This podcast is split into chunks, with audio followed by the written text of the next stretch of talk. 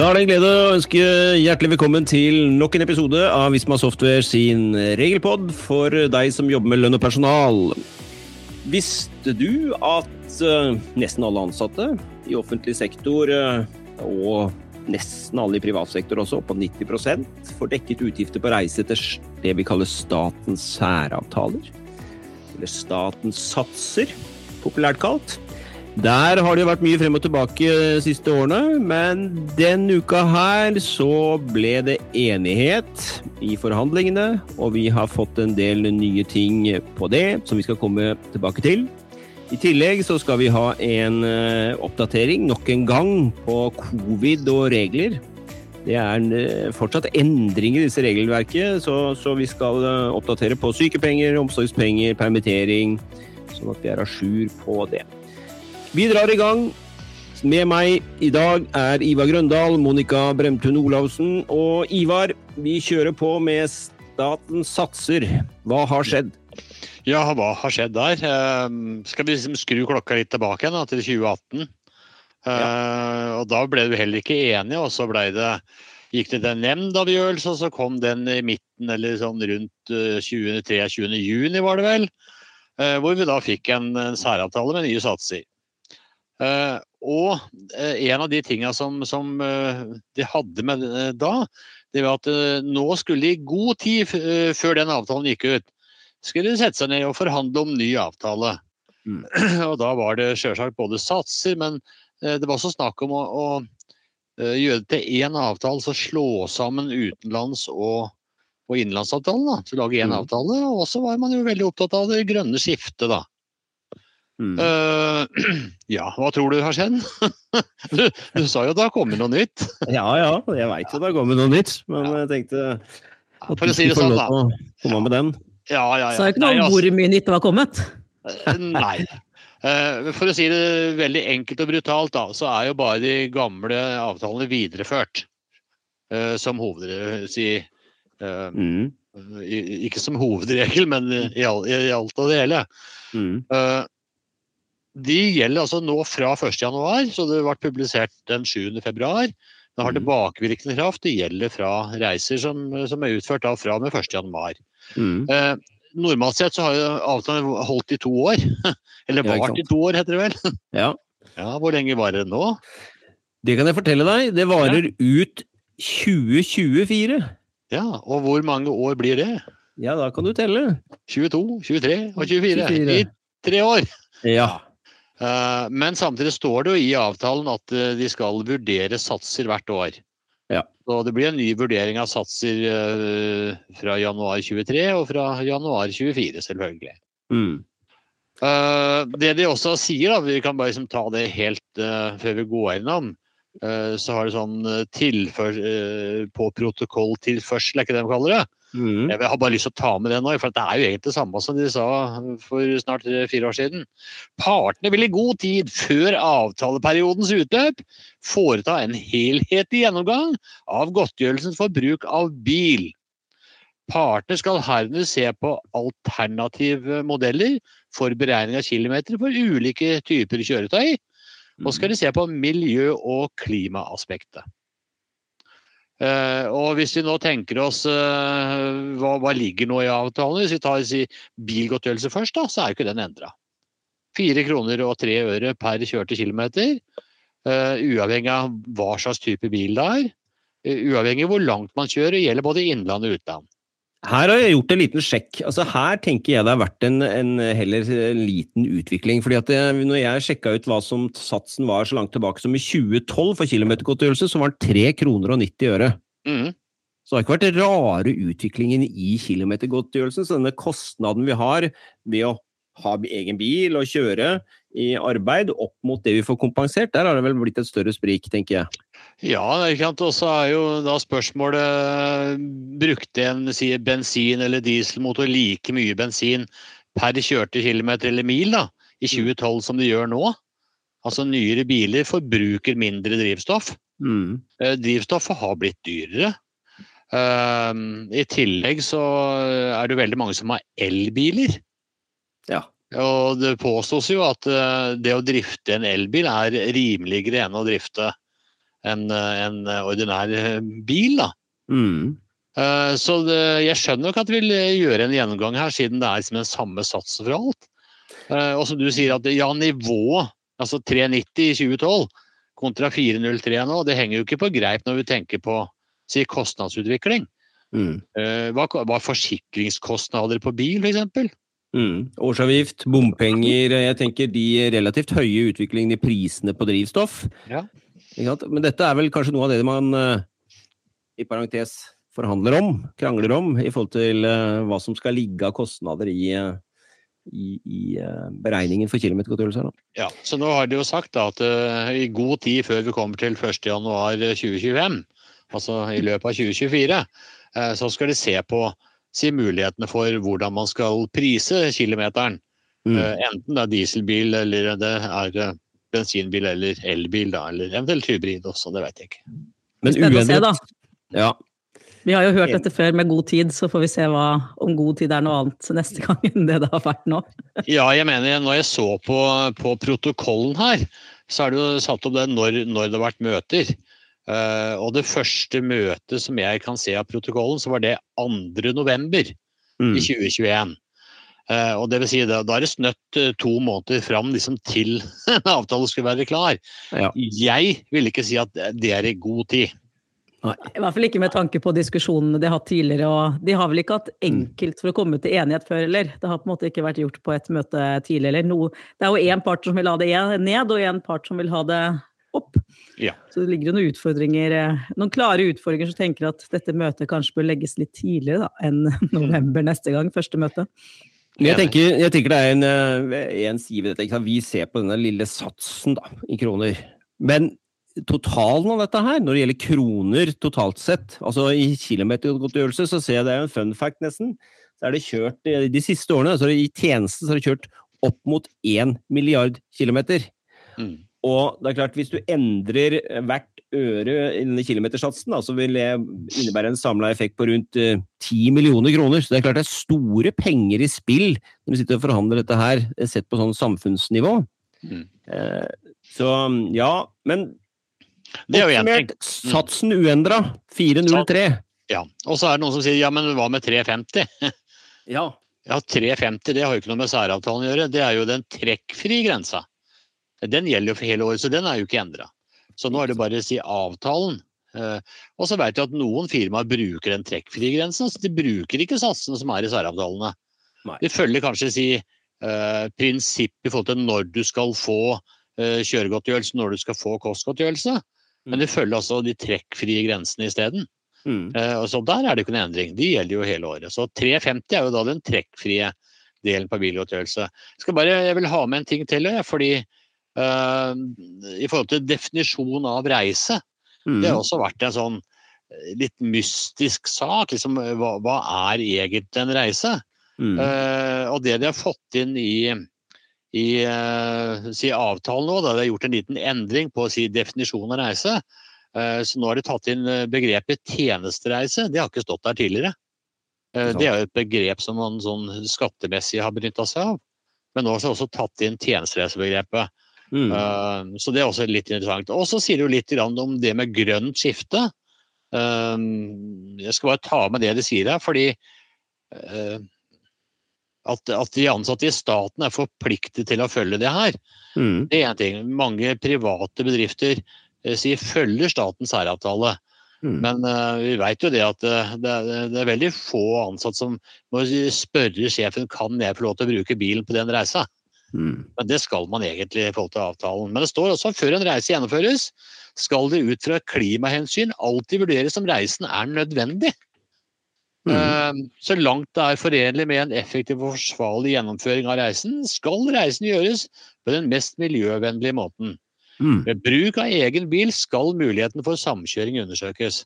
Ja. Klart, her ligger det ganske sterke føringer i forhold til nå vi under pandemien har blitt veldig vant til å ha digitale møter. Mm.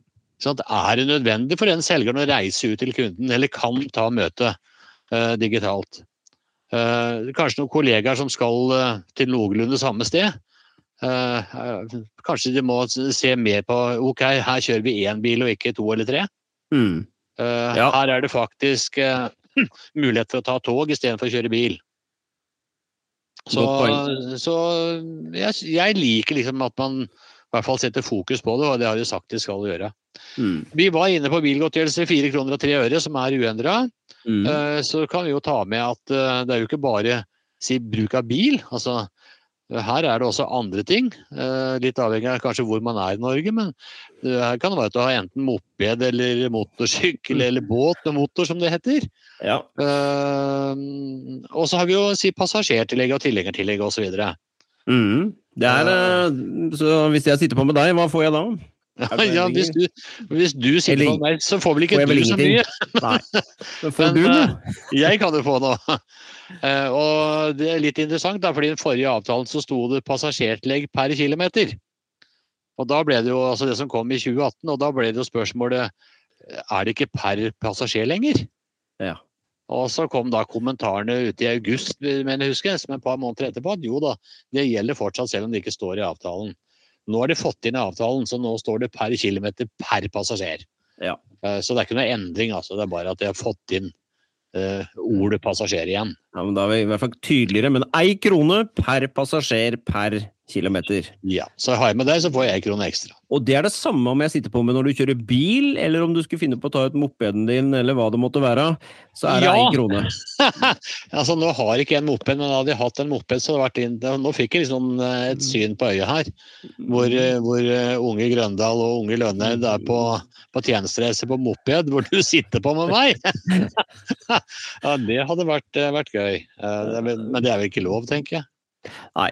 Så, Men skulle vi, skulle vi finne på det, så er det ei krone der òg. eh, så er det kroner for passasjertillegg der òg, men eh, mopeden er to kroner. Så der burde vi kanskje bevege oss opp en motorsykkel over 125 kubikk.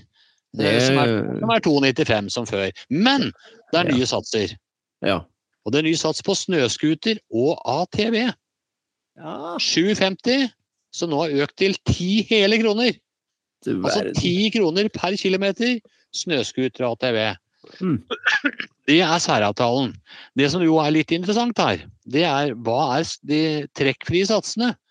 For de går inn på skatteetaten sine sider og søker opp hva som kan utbetales trekkfritt hvis en ansatt bruker snøscooter eller ATV. Så står det at det er 750. Ai, ai, ai. Så de trekkfrie satsene, det er forutsatt at Mm. eh, statens særavtale sine satser ikke endra seg. Så per i dag så er det faktisk slik at hvis du kjører ATV eller snøscooter, så kan du kreve 10 kroner etter avtalen, men bare 7,50 som er trekkfritt. Vi regner med det blir endra, men vi får Ja. se.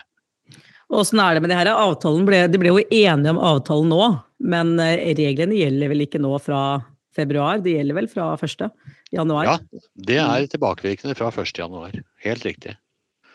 Eh, Det var vi litt spent på, og da sa de jo det at eh, hvis, hvis, avtale, hvis du drøyde med at avtalene kom i havn, og da tenker jeg som det hadde vært ute i mars de ble enige, så hadde det nok eh, vært eh, ikke tilbakevirkende. Men nå er det fra 1.1. Skal vi ta med oss dietten òg, da, for det, der er det økninger. Ja. Uh, og da er det uh, for altså døgndietten, der hvor du er ute på reise og overnatter, Mm. uh, Så er det økt fra 801 som var før, til 825. Mm. Altså døgnsatsen er nå 825 kroner. Og så er det dagsatsene, hvor det er én til, eh, til seks timer. Er eh, ikke noe, men eh, mellom seks og tolv timer er det 324. Og så er det over tolv timers reise, men uten overnatting 603. Mm. Og det er også de satsene som bruker liksom på siste døgn hvis du er ute på reise, som varer mer enn et døgn, altså to, kanskje eller tre eller fire døgn. Og de siste timene av reisa der sånn, eh, Mm. der er det jo dagsatsene man får. Hva med de trekkfrie satsene her, da? De er ikke endra. Nei. Eh, og det som er litt morsomt, er jo at uh, uavhengig av hvordan du uh, innlosjerer deg, da, uh, så er det 825 som er avtalesatsen i, i særavtalen. Mm. Så om du bor på hotell eller pensjonat, eller du bor hos tante eller onkel, Mm. eller sover på en benk i en park, Så er det Så er det- 8,25. så er det 825, ja. Mens de trekkfrie satsene, som vi fikk eh, vite allerede før jul, Mm. de endrer seg jo ikke. Nei. De gjelder jo hele. Og da er det hotell 617, pensjonat 172 og privat eller hybel brakke som er 95. Mm. Men uh, måltidstrekk Der har det vel skjedd noe? Der har det skjedd noe. Mat må vi ha. Uh, mat må vi ha, men når det gjelder måltidstrekk, så har det jo vært slik at uh, måltidstrekket ut ifra skattesatsene har vært en av aktuell sats. Mens måltidstrekket, 20% for frokost, 30 for lunsj, 50% for middag, Mm. det har vært av de 801, altså døgnsatsen, uavhengig om det var døgn- eller dagdietten du fikk. Det er riktig. Der er det endra, sånn at uh, nå er det måltidstrekk av aktuell sats. Så hvis du har vært på en, eh, en eh, dagreise, uh, du har, fått en, uh, du har vært borte i 14 timer, altså Mhm. ikke overnatting, eh, og du har fått en middag, så er jo utgangspunktet 603. eh, Men da skal du også trekke ut 50% av 603. Skal ikke trekke ut 50% av døgnsatsen som det var før. Riktig. Det er jo en stor endring. Det er viktig. Den er viktig. Den er jo grei å få med Mm. seg for mange, tenker jeg. Fordi eh, den kan jo lett fly forbi ubemerka, hvis ikke man merker seg Mm. ved det. Mm. Ja, og da blir det jo for mye trekk, da. Så, Mm. Så Det er aldri så veldig populært, det, hvis man trekker for mye. Nei, og da er jo øh, spørsmålet er, er det andre, andre ting som har endra seg. Nattillegg, da? Nattillegg uendra 435 Mm. per døgn. Og husk på at det gjelder kun i Innlandet. Ja. Og det er tilfeller hvor arbeidsgiver ikke øh, stiller med overnatting øh, eller, eller dekker overnatting på annen måte. F.eks. Hvis, du, hvis du overnatter hos bekjente, da. ja. Hva med utlandet? Har det skjedd noe der? Det har også skjedd i utlandet. Der er det nye satser. Eh, Det ligger, har vi lagt ut i, i oppslaget juridisk. Eh, Og det kommer også lenke eh, i artikkelen i Community. Jeg har ikke lagt den lenka ennå, men den, den kommer. Mm. Eh, Og så er det noe som heter kompensasjonstillegg, som da bare gjelder utenlandsreiser. Som har vært 548 kroner. Det er økt til 563. Mm. Eh, og Det er altså en kompensasjon for de du er borte hjemmefra, som man kaller det. Det gjelder kun utlandet. Og det er eh, rett og slett eh, lønn, kontantytelse og annet. Og det er trekkgrunnlag, AG-grunnlag og feriepenger av det. Veldig bra. Men det er vel mat der òg? Satser, diett? Ja da. Jeg har bare tatt med sånn et par eksempler her. fordi Sverige for, det har økt fra 790 til 860. Mm. Danmark har gått ned med 90 kroner, eller hva det er. Fra 1230 til 1140. Og så finner jeg bare én ting til som jeg syns var litt interessant, da. Eh, siden det nå er OL i Beijing, Kina. Hva er eh, diettsatsen for Beijing i Kina? Eh, den er 720 kroner. Den var i forrige utgave 790. Gått ned litt, altså. Den har gått ned, og jeg tenker det er jo litt merkelig siden OL er i Beijing nå. Mm. Da ville det vel liksom antagelig vært mye dyrere. Men så Ja. slo det meg jo! Vi er jo midt i en pandemi, det er jo ikke tilskuere der. Det er jo, det er jo ingen uh, som har reist dit for å være tilskuere uh, under OL i Beijing. Så hadde det vært det, så tipper jeg at den satsen hadde vært vesentlig høyere. Men det er den altså ikke. Jeg tenker i Eh. staten, men der har vi, hvis du hopper til dette med reisetid, for det er jo alltid et tema. Hva betaler vi når en ansatt er ute og reiser, har vi egne tillegg for det? Så er det jo også gjort noen endringer der i, eh, i, Ja, i i, i utenlandsavtalen så har det vært slik at reisetid som eh, foregår utenom si ordinær arbeidstid, da, Mm. eller at det foregår på lørdager eller søndager, så hadde man i forrige avtalen en kompensasjon på én time reisetid ga en halvtime eh, si fritid. Mm.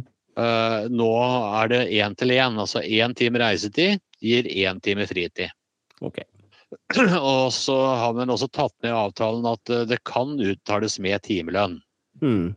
Eh, noe mer enn det har ikke jeg tenkt å si om reisetid. Det ligger vel mer på deres bord, antar jeg. Eh, Ja da, det- og det, det er jo ganske interessant. Vi var jo innom det i forrige pod. Mm. Det, har vi, så den, eh, det går an å høre på den så for å få med seg siste, siste ja, spennende dommen som gjelder det der, når det gjelder eh, om reisetid skal anses som arbeidstid, sånn generelt sett. Der finner jeg. Ellers er det bare å gå på Community. Der ligger jo dette oppdatert med satser og det hele i forhold til eh, denne nye eh, eller avtalen om statens satser som da ble en enighet rundt i denne uka her. Ja, og selvsagt er jo oppslag juridisk også, det er oppslagsverket vårt. Eh, alle satser og, alle, og er jo oppdatert i, i oppslagsverket vårt. Kjempebra. Skal vi bevege oss over i koronaverdenen igjen, da? Og det skjer jo noe der fortsatt. Å, Huff a meg, ja. Vi driver med dette smitte, smitteveldet vårt, men eh, det er noen endringer, Monica. Smittekarantene, sykepenger. Ja, er det mulig lenger? Vi kan jo friste dem til å sitte helt til slutten av podden først, da. Vi kan jo si at vi har noe vi kaller det gøyalt. For oss er det gøyalt historisk eh, fakta å komme med på slutten av podkasten, som jeg anbefaler å sitte og høre på. Som handler om dette med mm, arbeidsreglement. For arbeidsmiljøloven har jo dette pålegget fortsatt at norske virksomheter skal jo ha et arbeidsreglement. Men i Mhm. slutten av episoden i dag da, så skal vi se litt nærmere på hvordan arbeidsreglementet for fylkesmannen i Møre og Romsdal så ut i 1872. For å gi et litt sånn innblikk i, i hvordan tidene forandrer seg. Vi kan vel ha en liten sånn spoiler at noe av det handler bl.a. om hvor mye får du lov til å snakke på jobb? Så kan vi jo se forskjellen fra, fra dagens eh, arbeidsmiljø. Så det er jo litt spennende, da. Så følg Ja. med til slutten. Ja, og jeg må, her, her må jeg pløye inn, altså. Fordi uh, den her har jo jeg Jeg har jo kjent Sven Ivar i mange år, så den her har jeg jo hørt før. Den er genial. Og for å si det sånn, Monica, du skal være sjeleglad du ikke levde i 1872. det tror jeg på. Så gled dere, folkens. Denne må dere vente på, altså. Så bra. Hvis vi går gå over til korona, da, så er det på en måte, mm. jeg tenker det er fire ting vi skal snakke om. Det ene er sykepenger. Og da gjelder det både sykepenger ved det som vi fører et smittekarantene, og refusjon av sykepenger. Og så skal vi se på omsorgspenger og litt på permittering. Hvis vi kan begynne på dette med smittekarantene, da. Det kan vi egentlig komme gjennom ganske fort. fordi det er jo slik at nå har vi ikke smittekarantene lenger. Tidligere så var det jo pålagt fra myndighetene en karanteneplikt Mm. eh, i visse situasjoner, og da hadde man jo rett til sykepenger når man satt i karantene, smittekarantene. Mm. Men nå er det ikke smittekarantene lenger, og det vil jo si at det er det ingen sykepengerettigheter heller, hvis man ønsker å være hjemme. Eh, kanskje fordi en ektefelle eller barn er smitta, og så vil man være hjemme måte for å unngå å smitte andre. Eh, det er jo ikke noe pålegg fra myndighetene, og man vil ikke ha rett til sykepenger. Mm. Det vi opplever noen situasjoner nå, da, det er jo at en del arbeidsgivere mener at de nye reglene er for um, De er ikke strenge nok. Og de vil at arbeidstakerne skal holde seg hjemme likevel. Si at ektefellen f.eks. blir smitta. Mm. Eh, Så sier de at da vil ikke vi at du skal komme på jobb, da får du være hjemme i si fire-fem dager og teste deg før du kommer. Eh, Og da er jo store spørsmålet hvordan håndteres det økonomisk hvis ikke man har rett til sykepenger lenger? Og da er det jo sånn at hvis Må arbeidsgiver betale, da. Ja. Hvis arbeidsgiver pålegger deg å være hjemme fordi de ønsker strengere regler på arbeidsplassen enn hva myndighetene ønsker å ha, da, eh, så må man bare betale vanlig lønn i den perioden. Mm. Man kan jo selvfølgelig prøve å avtale hjemmekontor og den type ordninger hvis det er mulig, men det er jo tross alt ikke alle yrker hvor det er et alternativ, da. Mye spørsmål på det, altså. Og det skjønner jeg Ja, i mye. dagens smittesituasjon. Så, så bra du oppklarer det, hvordan på en måte i alle fall jussen er rundt dette her, tenker jeg. Men hva med refusjoner, da? Hvis man først blir smitta og er hjemme og har rett til sykepenger? Ja, for det er jo greit å påpeke det. At hvis man blir smitta, eller det er mistanke om at man er smitta, kanskje man har fått en positiv hurtigtest og venter på svaret på en sånn PCR-test, da vil man jo fortsatt ha rett til sykepenger når man er hjemme. Mm. Um, og her er det jo fortsatt slik at man vil kunne få refusjon av sykepenger fra dag seks av Nav. Eh, Den ordningen har vi jo enda. Mm. Det vi opplever ganske mye spørsmål rundt her, det er hvordan man skal fylle ut inntektsmeldinger for å få refusjon. At ikke de klarer å, å få gjøre det. da. Og det er jo for at det er jo ikke inntektsmeldingen som er refusjonsskjema. Fordi fra dag 6 til dag 16 eh, så må jo arbeidsgiver fortsatt utbetale sykepengene.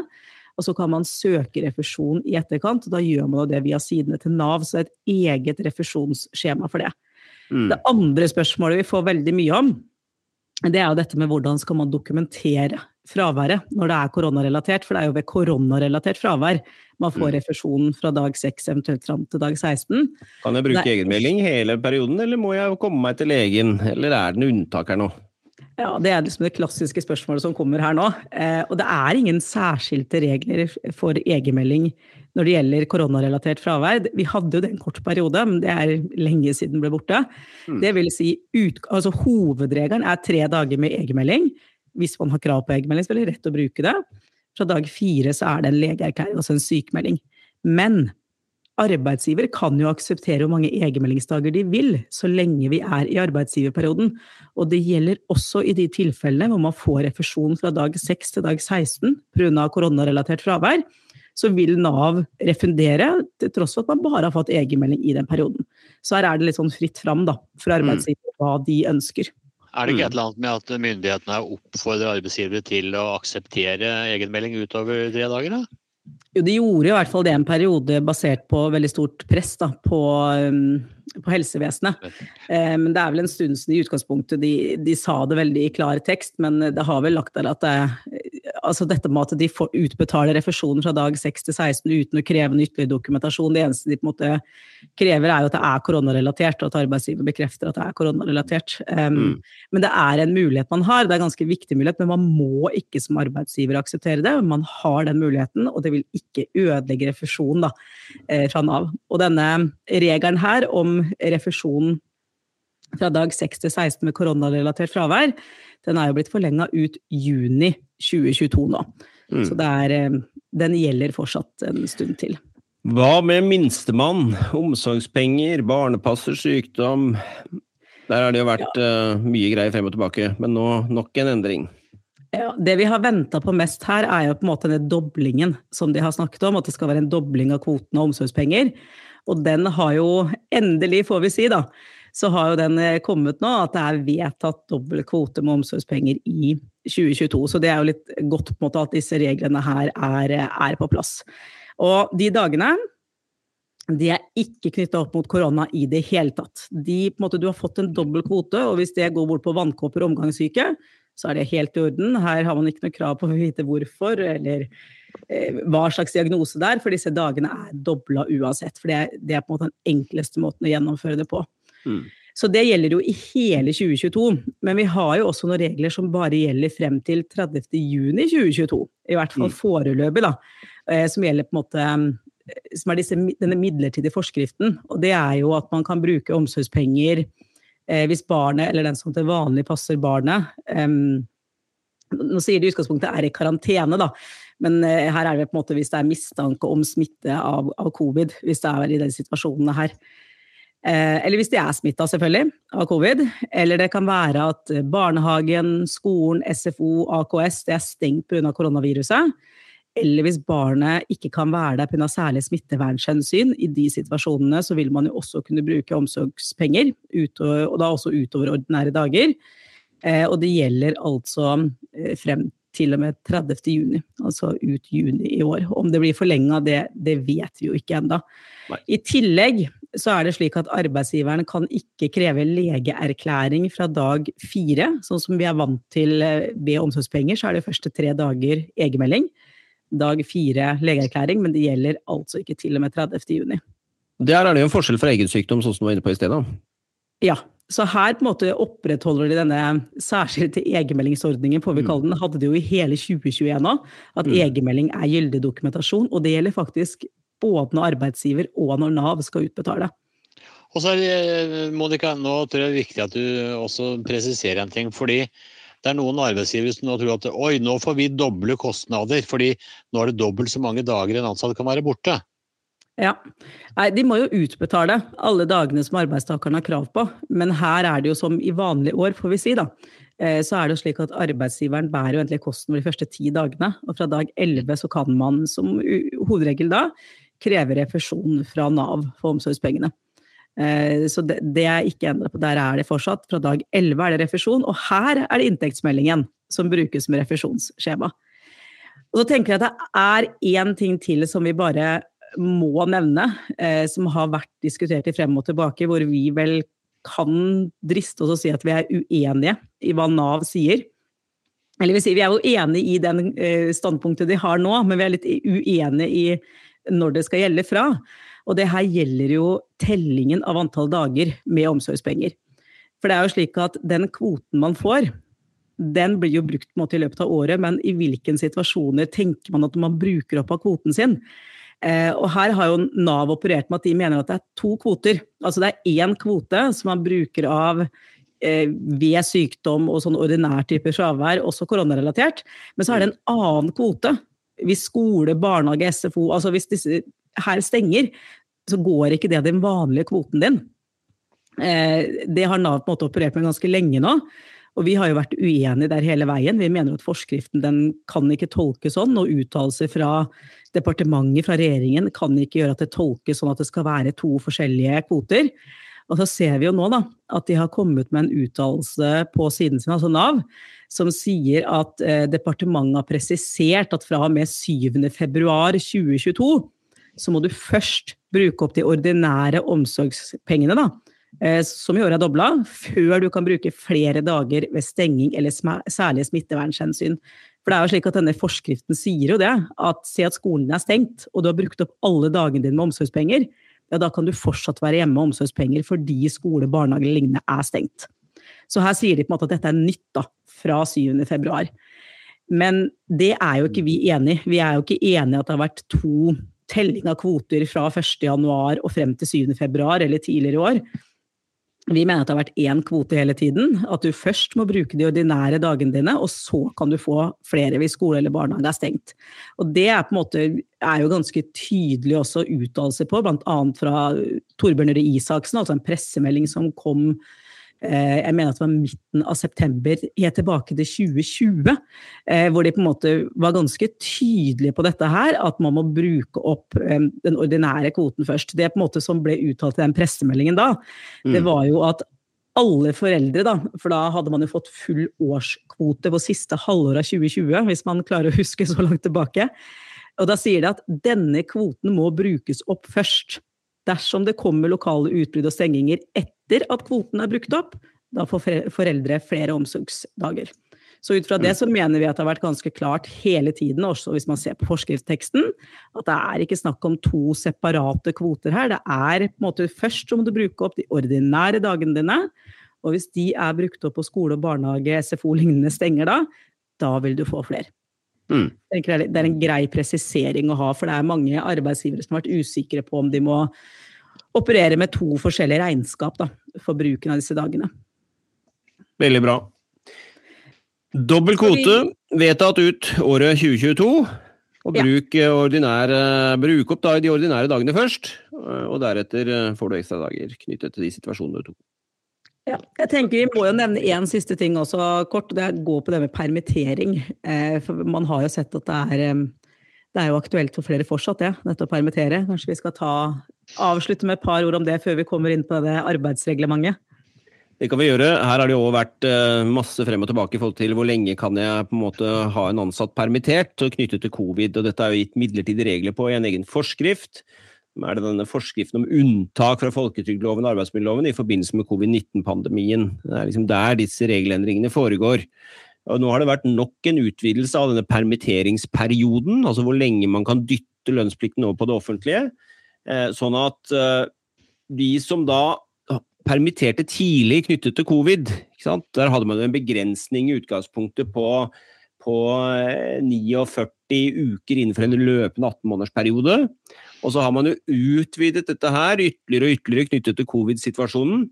Eh, og det har man gjort nå igjen, sånn at nå kan man, eh, for de som da formelt sett har 14 eller færre uker igjen eh, av perioden med fritak for lønnsplikt per 31.12., altså i 2021, årsskiftet, de får forlenget fritaksperioden fram til og med mars. 31. mars 2022. Så det er datoen å huske, altså. Da stopper antagelig disse midlertidige covid-reglene knyttet til permittering. Ja, hvordan sånn landet åpner opp nå, så mm. regner vi vel kanskje ikke med at det kommer ytterligere um, lettelser nå, eller ytterligere forlenginger, får vi vel kalle det, av, um, av regelverket nå. Men vi vet Nei. jo ikke. Mye annet har skjedd på disse to årene som ikke vi klarte å forutse, så det kan ja. fort komme her også. Ja, vi, vi krysser fingra for at vi slipper det. Men nå er 31. mars er datoen du husker. Det var ikke så veldig mange som uh, sommeren uh, eh, 2021, altså for litt over et halvt år siden, uh, hadde du sagt at ja, men du, når vi kommer til januar, så har vi en 20 000-30 000 smitta hvert døgn. jeg tror ikke noen hadde trodd så mye på det hvis du hadde sagt det da. De fleste Vi får si, sånn, vi får si som Posterudbygget, alt kan skje. Ja, alt kan skje, ja. ja. Men 31. mars, da får arbeidsgiver lønnsplikten tilbake for de som fortsatt er rammet av dette her. Ja. Skal vi avslutte da, med å se på arbeidsreglementet? Jeg tenker at Vi har jo frista med at her er det noe gøyalt, så da får vi vel avslutte med det. Ja, det sier, vi kan gjøre. hva sier arbeidsreglementet hvis vi går litt tilbake i tid? Hva var reglene på arbeidsplassen hos denne fylkesmannen? Var det 1872, var det ikke det? Å, helt riktig, Ivar Grøndal. Det stemmer. Da hadde man samme plikten til å ha et arbeidsreglement da som vi har nå. Så, så det er jo et paradoks i seg selv. Eh, Men det er en del ting som har skjedd i arbeidslivet siden den gang. Og det er klart, eh, når vi, jeg sitter med dette reglementet foran meg nå, eh, og man hadde arbeidstid da, fra seks om morgenen til seks om aften, som det het, med unntak av søndager, hvor det da forutsettes at man beskjeftiger seg med gudsfryktige sysler og bønn. Vi, jo, vi i hvert fall i år har vi vant til at vi hadde en liten sånn salmeverssang på skolen, husker jeg, når vi starta Ja, ja. dagen. Sånn var på arbeidsplassen den gangen òg. Bøhm vil bli lest av øverste sjef hver morgen ved kontorets begynnelse. Så det er verdt å ta med seg. Det er vel ikke så vanlig lenger i de aller fleste virksomheter, tenker jeg. Og da kunne Eh, du vel snakke om den bønnen i fellesskap resten av dagen, kunne du ikke det? Eller var det noen begrensninger på denne snakkingen òg? Ja, det var jo sånn at man hadde et punkt eh, i reglementet som sa følgende, og eh, hold dere fast, det er forbudt å snakke i arbeidstiden. Slå Du, den. Ja, Det hadde fungert dårlig for oss. Det er forbudt, ja. Og det var ikke bare det, men altså, man gjorde også oppmerksom på under samme punkt at den ansattes ærbarhet, propperhet og ansvarsfølelse ble tatt i tvil dersom man røket sigarer, drakk alkohol eh, av enhver slag, eller spilte biljard, eller deltok i såkalt politiske møter den gangen. Der har det vel òg kanskje vært en snev av en utvikling, eh, føler jeg. Men så tok man forbehold om at det var eh, nødvendig, så måtte man regne med at man måtte jobbe utover alminnelig arbeidstid. Den er jo like aktuell å ha en arbeidsavtale i dag, tenker jeg. Men altså, alminnelig arbeidstid den gangen, var det fra klokken 06 til klokken 18? Jepp. Ja. Ja. Og det var en forbedring i arbeidstiden i forhold til hvordan det har vært tidligere, så vi får holde oss det. Men jeg tenker jeg skulle ta med ett punkt til. Det Kan mye det handle om sykdom, eller i og med at vi har snakka om sykepenger og sykt barn, så kan det punktet kanskje være i den avdelingen der? Absolutt, eh, helt klart. Fordi den gangen så sa man det rett og slett sånn som det var, at eh, de ansatte må holde seg friske, punktum. Det var altså ikke lov å være syk. Og lønnsutbetalingen den stanset øyeblikkelig i tilfelle av sykdom. Eh, Og det anbefales òg at hver ansatt foretar oppsparing for å sikre seg mot sykdomsfravær og for å forebygge alderdommen. Den er jo like aktuell i dag. Spare litt til pensjon, som er en stor del av hva vi får utbetalt når vi blir pensjonister. Så det er, her var man tidlig ute og så det, altså at dette kom til å bli et poeng. Eh, og så står det videre, og det er litt med attitude òg, eh, således at de ikke blir en byrde for samfunnet. Her har det vel vært en viss utvikling, føler jeg, i forhold til uh, hva vi har krav på i dag. Uh, men Vi får jo være Høyre- glade for det, da. Og hvis vi nå Ja. går Hvis vi hadde sett inn i en i krystallkula gått 150 år frem i tid, så er det jo litt spennende å tenke på. Sitter man da og refererer til et arbeidsreglement som vi har nå i 2022, og tenker jøss, var dette lov? Eh, det. Så det er jo veldig gøy da å se på hvordan var det egentlig før, og hvor langt har vi kommet. Og um, Det kan jo hende det sitter noen i en pod og det kommer mer. Ja. synser over hvordan det var i 2022 i kongeriket Norge da. Det skulle vært morsomt å være flue på veggen. Om, Men, om, eh, om 150 år da har vi liksom skrudd klokka tilbake igjen til 1872. Ja. Eh, Du må ordne dine økonomiske forpliktelser selv når du blir syk. Altså, eh, Samfunnet har ikke råd til å, å, å spa opp penger når du, når du blir syk. Det må du holde ut av det sjæl. Da er det ikke sykdom lenger. Forundret meg. Hæ? da er det ikke Det er ikke sykdom sykdom lenger. Da vil vi ei pille for alt. Ja, ja. Det var eh, dagens eh, fun fact, eh, og vi eh, håper dere likte den. Og med det så tenker jeg vi er kommet til veis ende i denne episoden av vår regelpod. Hold dere à jour på våre hjemmesider på Community, artikler under lønn- og HR-området. Og så er vi tilbake om eh, 14 dager med nye aktuelle tema. Takk, Takk for for i dag. Ha det bra.